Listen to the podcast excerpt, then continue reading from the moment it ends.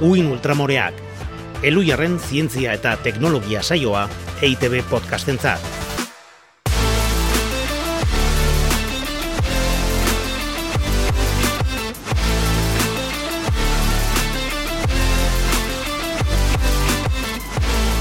Ana Galarra gaiestaran agurtzen zaitut. Bai, gidoiari jarraitut ez da, hoxe jartzen duen, agurtu eta... Agurtu. Besterik ez du jartzen? Besterik ez, baina nik agurtu behar zaitut. Agurtu Alaitz otxoa deribe agirre. Kaixo. Kaixo, ongi etorri denoi gure podcastera, uin ultramoreak podcastera, elujarren egiten duguna, aspaldi ez dugu esan, ez da? Egia.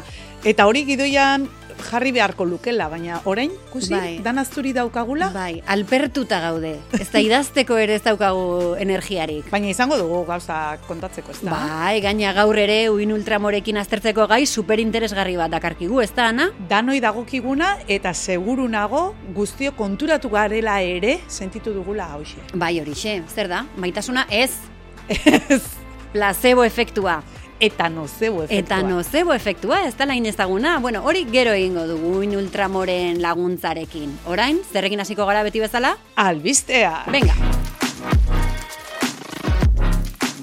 Albizpeak,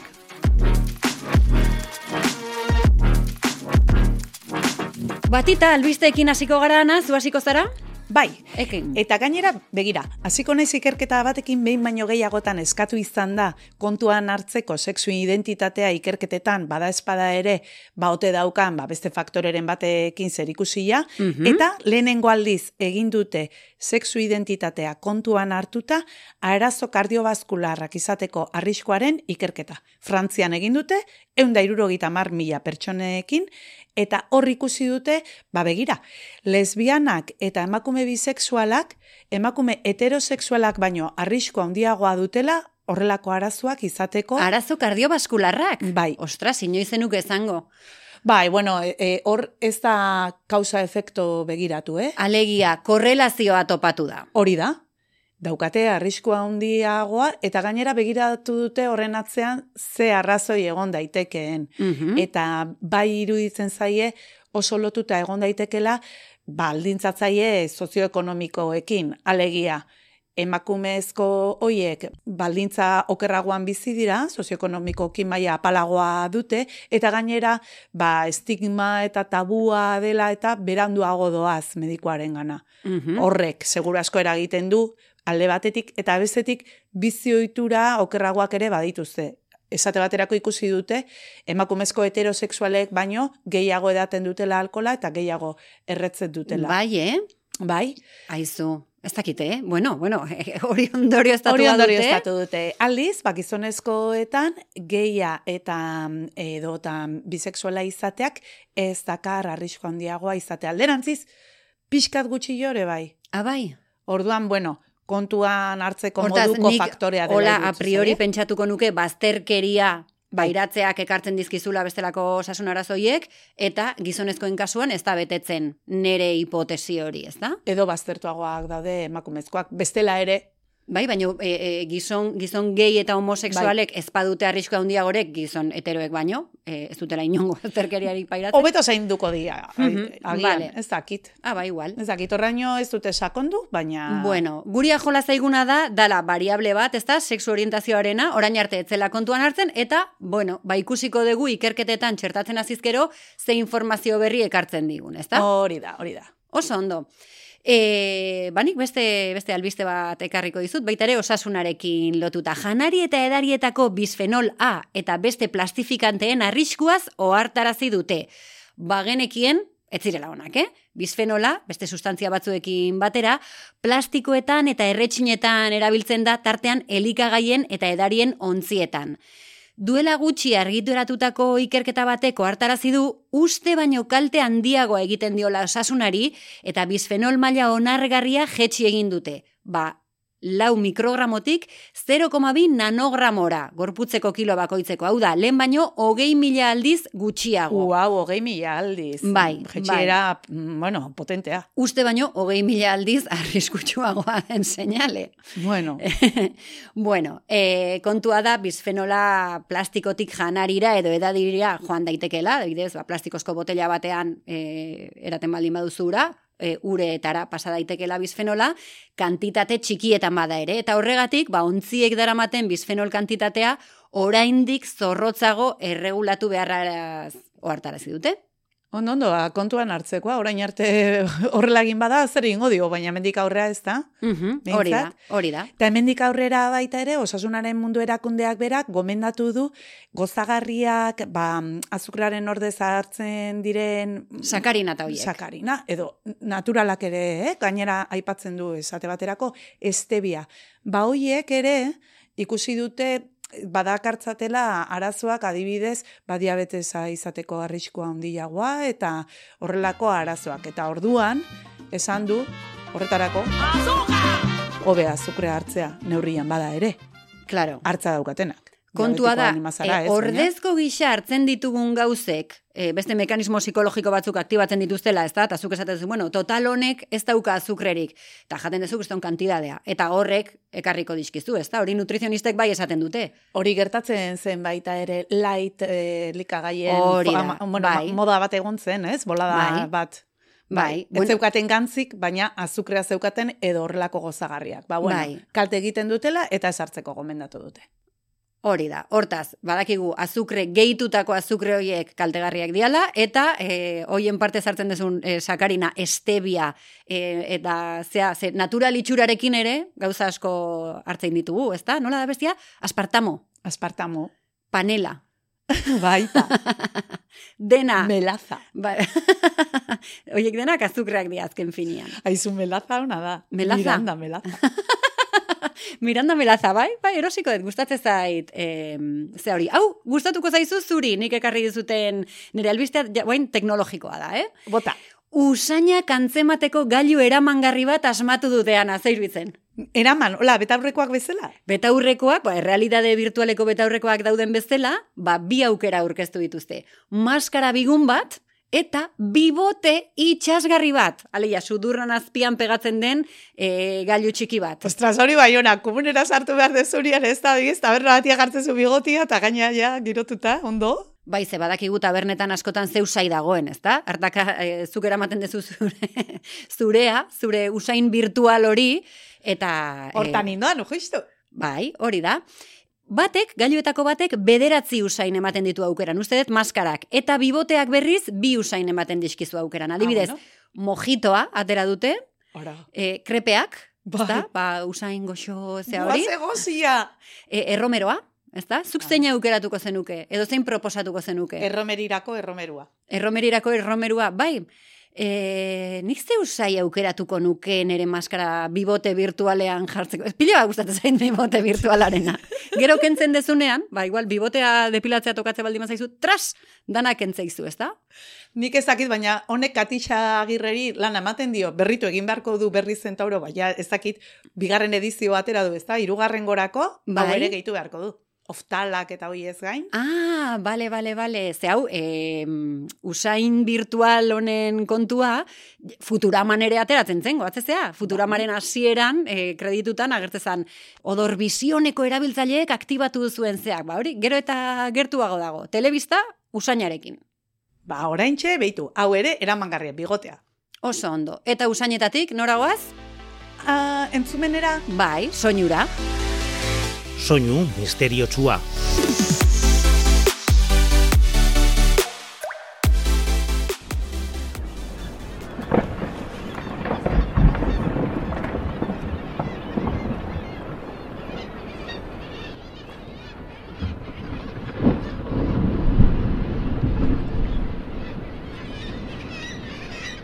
ea, laitz, entzuten dituzu kaioak, ez da? Hori oso garbi entzuten da. Kaiuak bai. Bai, atzean badago beste soinu bat, hola, krakateko batzuk bezala edo, hola, turrumoi Kolpe batzuk bat edo. bezala Ah, hori zaizkit niri. Igual, bai, ez, zuaitz, amoste, hori da asmatu behar dezu. Bale. Zer izan daiteke. Berriro jarriko dugu bazpa ere? Harri.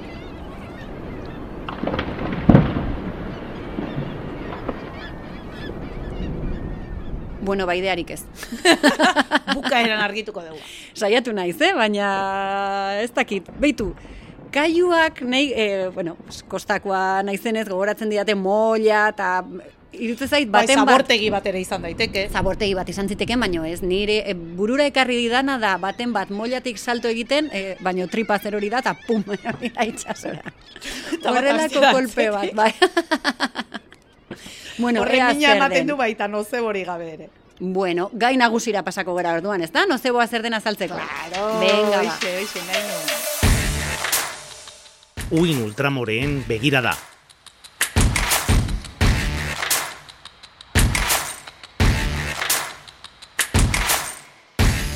Bueno, balaitz, bai, esan duzun bezala, eta hasieran ere abisatu dugu, ez da? Placebo eta nocebo efektuak aztertuko ditugu uin ultramoreen bidez, eta, bueno, gauza pila dauzkagu kontatzeko. Lehenengo eta behin esan behar dugu, placebo efektua nahiko ezaguna dela, eta musika talde bat ere badagoela izen. Hombre, Sucker Love is seven cent you pack. Bueno, isildu ingo naiz, de bestela Spotifyen algoritmoak detektatu ingo du, ze kantatzen nahi naizen, hain ondo afinatzen dut, ez da, Ana? Egia esan, bai, eh? Talde bat sortzeko moduan gaude. Adibidez, nocebo efektua ez da inezaguna, eta ez, Ez. dago musika talderik izen. Nozebo izen, izenekorik. Hori da, ingo dugu, talde Guk ingo deu, Bai. guk ingo deu. Bueno, baten batek, gure entzuletako batek batu nahi badu gure musika taldera, ikusiko antzemango zenuten honezkero ze fundamentorekin egingo guk musika talde bat, eta ze kalitaterekin, zatozte, hemen mikrofono hauek txek berak aprobetsatuko ditugu, ezta? Adibidez, Bueno, hasi gaitezen gaiarekin, ez da, Ana? Itxoin, lehenengo pelikularena kontatu behar dit. Ah, bai, egia, lehen esan dizut, pelikula bat ikusi nuen nik 2000 eta zortziko zinemaldian.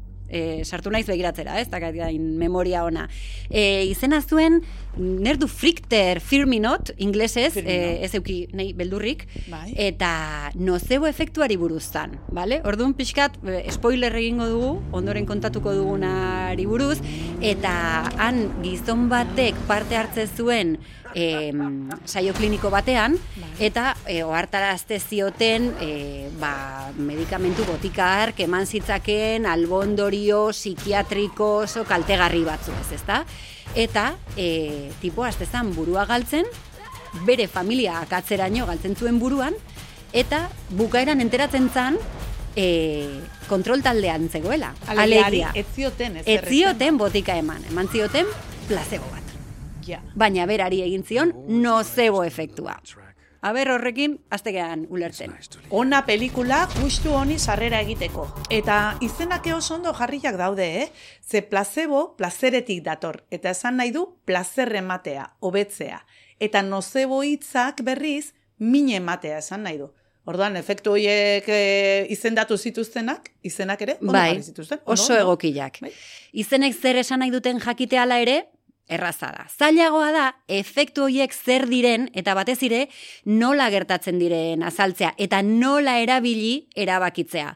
Placebo efektua adibidez, denok dakigu zer den. Berez, osagai aktiborik eta eragina almenik ez duen sustantzia batek edo tratamendu batek eragiten duen hobekuntza.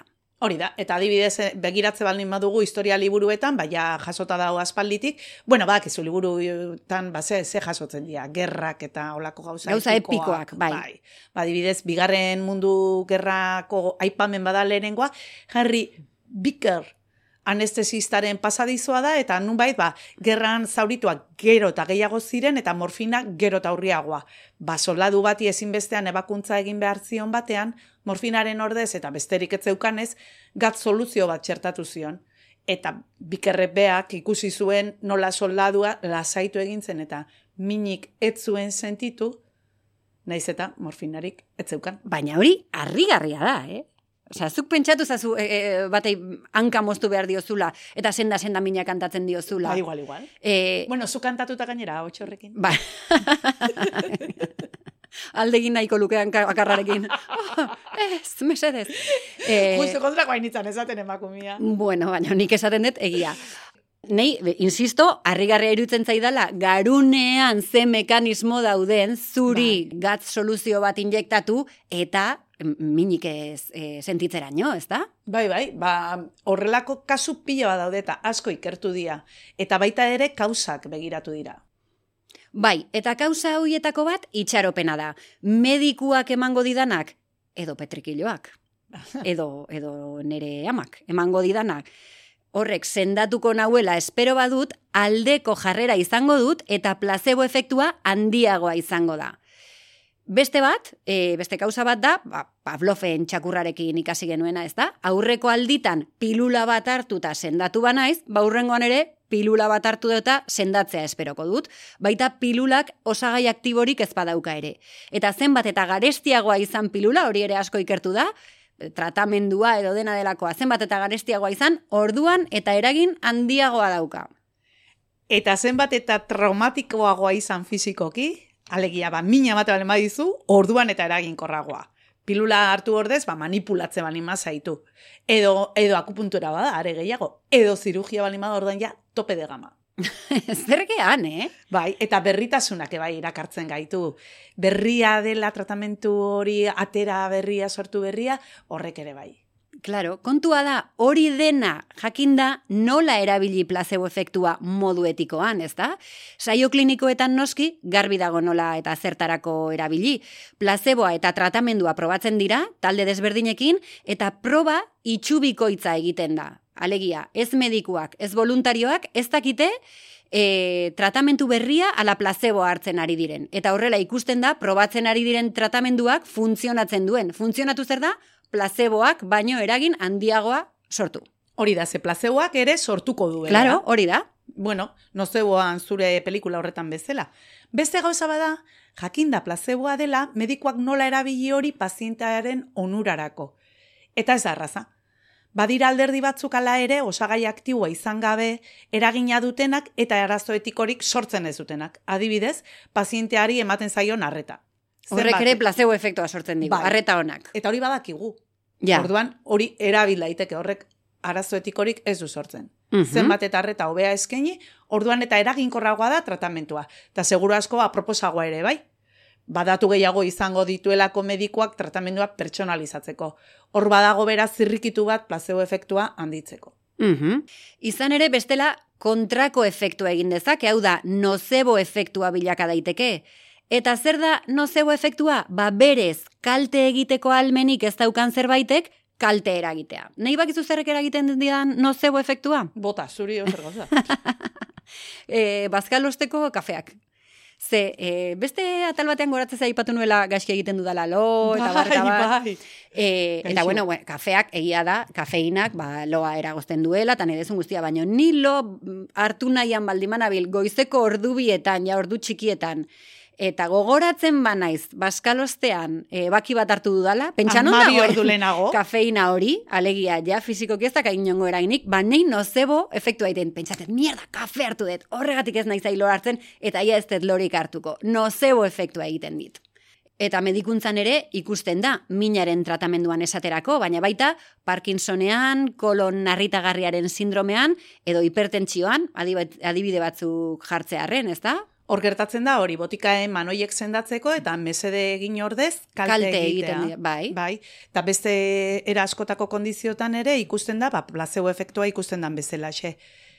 Hori bai, gutxi jo ezagutzen da beste beste zailagoa delako esperimentu etikoki onargarriak diseinatzea. Claro, naita kalte egitea, Claro, claro, claro alare egiten dira, eh? E, ba, mekanismoak ulertzeko ikerketak eta bereziki aurreikuspenei lotutakoak izaten dira eta aurreko esperientzietatik datozenak. Mm Pavloven txakuraren adibideak irazaldu ditugun hoiek.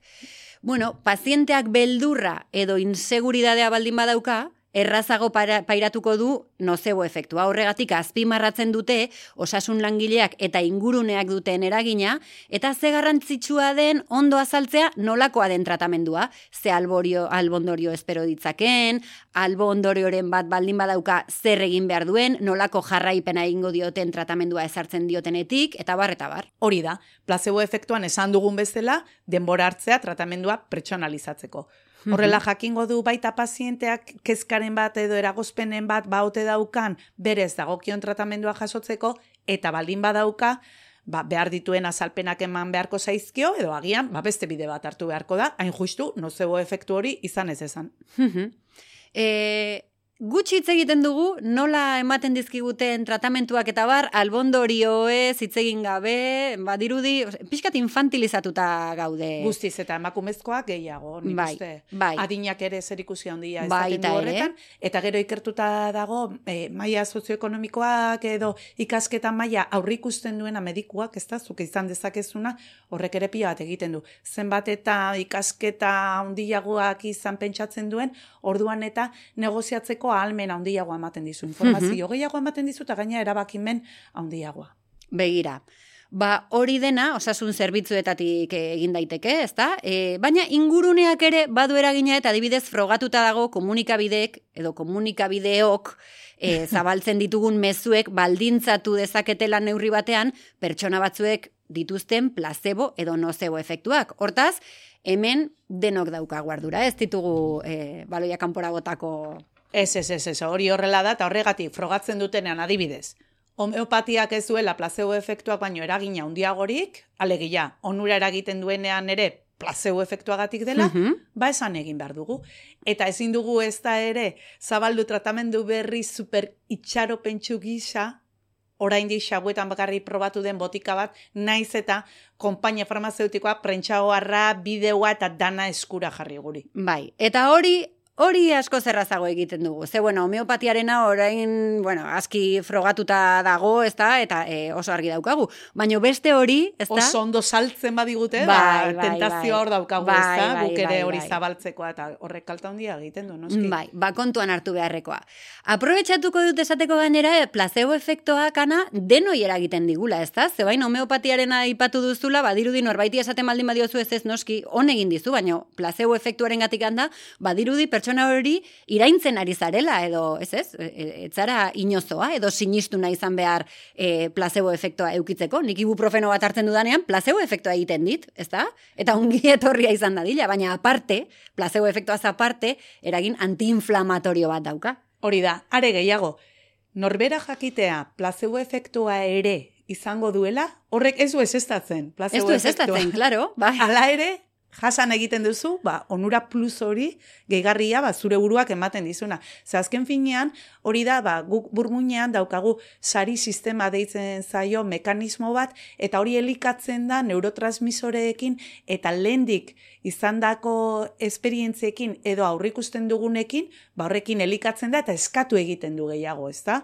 Eta horrekin lotuta dago baita placebo efektua eta nocebo efektua ere. Mhm. E, sari sistemarena, burmuineko sari sistemarena oso gai interesgarria da, guk gaur jaztaukagu denboraik hor sakontzeko, baina gonbidatzen ditugu gure entzule guztiak bilaketatxo bat egitera e, badauzkagu, ezta? Bai. Zientzia.eusen artikuluak horren inguruan. Bai, adibidez, adikzioarekin lotutakoak, Hori edo da. sexu eta plazerarekin lotutakoak. Baita ere, harreman pixka toksikoekin ere Baita, sari sisteman, baita. bueno, bueno, e, hor e, gure burmuinak nola funtzionatzen duen ezagutzeak ere pistak ematen dizkigu gure portaerari buruz. Eta, bueno, Onaino, iritsi gara, hori bai, eh? Ez dago gaizki gogoratzea zu leno esan dezuna. Ba, inorrez dela beste ba, baino hobea, ez da? bai. Eta bide batez, ba, komeni dela beti izatea espiritu kritikoa erne, kontu hauekin bereziki. Ah, hori esaten dezu orain datorrelako gure e, atal kritikoa, ez da? Claro, claro, claro. Egia la gezurra. Venga, Hor ba, entrenatuko dugu gure espiritu kritikoa. bota. Egia, gezurra, ala ez dago nahikoa evidentzia. Hasi zu, alai. Venga, eh, esango dizute Euskal Herriko amabi amair urteko ikasleek hobeto ezagutzen dituzte kanpoko espeziak bertakoak baino. Adibidez, elefante bat hobeto, ba, katagorri bat baino. Bai? Ba, seguru baietz. Gainera, ezakit, e, uste dut ez zela adibide hau, baina adibide pila bat eman zen dituzten Teknopolis. Teknopolisen, ah, ikusi ikusi nuen. zenuen, horregatik badakizu. Horregatik badakit. Egia dela nire afirmazioa, zuk eta Teknopolise ikusten duten milioika pertsonek. Horregatik ikusten dute, bai, ikaste. Claro, claro. E, ba bai, e, zuk pentsa aurrei ipuinak eta kontatzen dizkiegunean ze pertsonaia daude. Kroko krokodiloa, elefantea zuk esan dezun bezala, eta horrela. Leoia, bai, gauza exotiko pila bat, baina ez txolarre bat. Ja. Ez, e, ez da? Eta gero dana dira txoriak. Ja, Bai, bai, zakizulako hori da, txoriak. Bai, txantxangorria eta zein txolarrea, bai, bai. Bai, bai, ba bueno, egia zen, egia zen. Zer dakarkizuzuk? Ah, ba, nik, eh, Nafarroan, errinozeroak makakoak aipatu ditugunez, eta baita lau hartz espezie ere bizi zirela kuaternarioan. Orduan, Ah, berriro, zea, paleolitikora goazana. hori, eta gainera, beitu, ze animalia eksotikoa sartu dizkizuten Nafarroan, errinozeroak eta makakoak, bai ala ez. Eh, ez No, nik dakat... dizut baietz. Ah, bale, esan benun ez dakati direk, eta zu ja, esatea zu baiet. Ah, esan bertzen idaz, hori horrela ote den. Bale.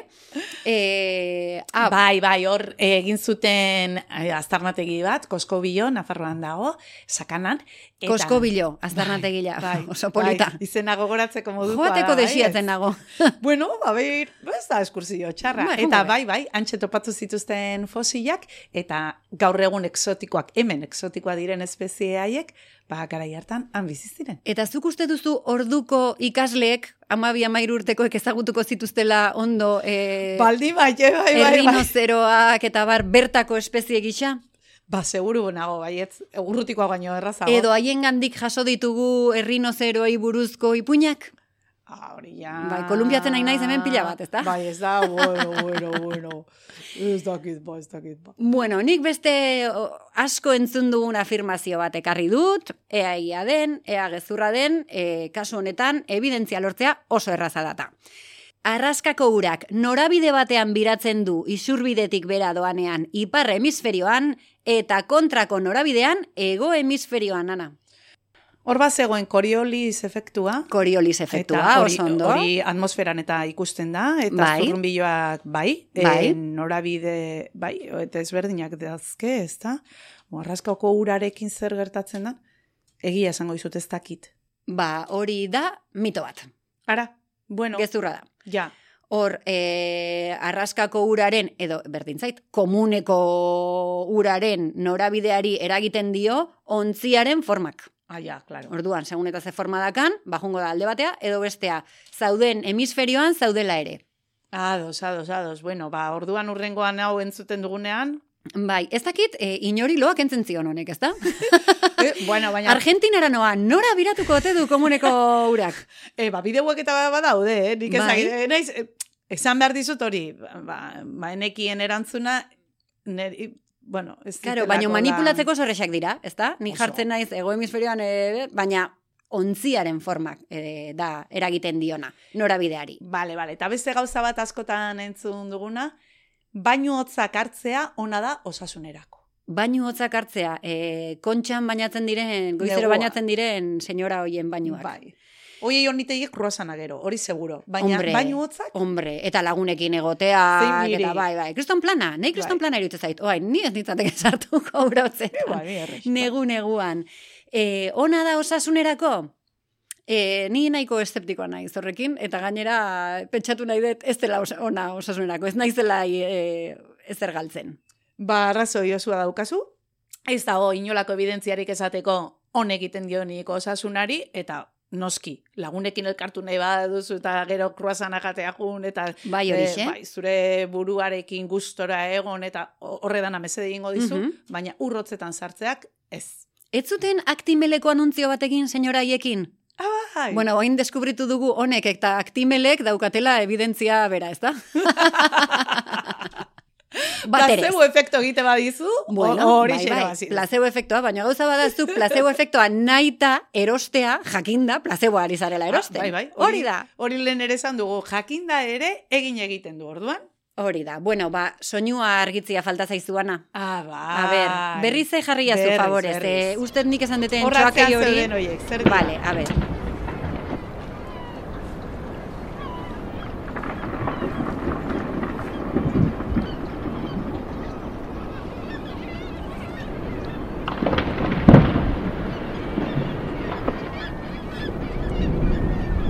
Ez da moiatik salto egiten nahi da. Ez, ba, eta ez da, ez da uretara erortzen den zerbait. Ez dakit zer den. Bai da, uretara erortzen dena, baina lehenengo egiten da askatu. Eta da izotzezko plataforma bat, kraskatzen eta askatzen eta itxasora erortzen. Ah, eta soinu hori deu. hau ah, benetan tristea da. Claro, urtzen ari delako, Bai. eta bar, eta bar. Bai. Bueno, niri bintzat ekartzen dit horrela. Bai, bai. Eta Bueno. kaioak ematen diote baitare horrela pixka. Aztea melankoliko bat, ez da? Ez dakit. Bueno, ba, ba, espero ezagun zuzenean ez entzutea, ez da? Hori da, hori da. Grabaketa hontan gelditzea. E, ba, onaino iritsi dira gaurko inultramoreak, ana? Oh, eta berriro triste bukatu beralde. Bueno, bere ala pasazaskit, eh? Ah, niri bai. Bai, oso askar pasazaskit gaur. E, ea, entzulek zer esaten duten, berriro mun ultramoreak. Bueno, gehiago jakine bali badute, badakite zientzia.eusen daukatela informazio gehiago.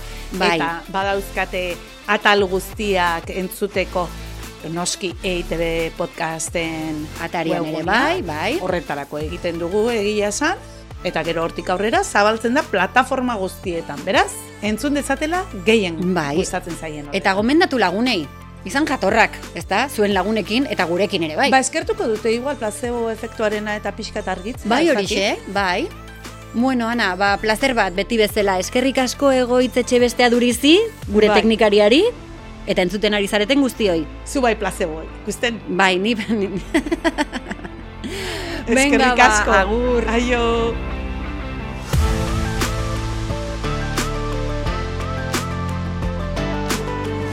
Uin ultramoreak.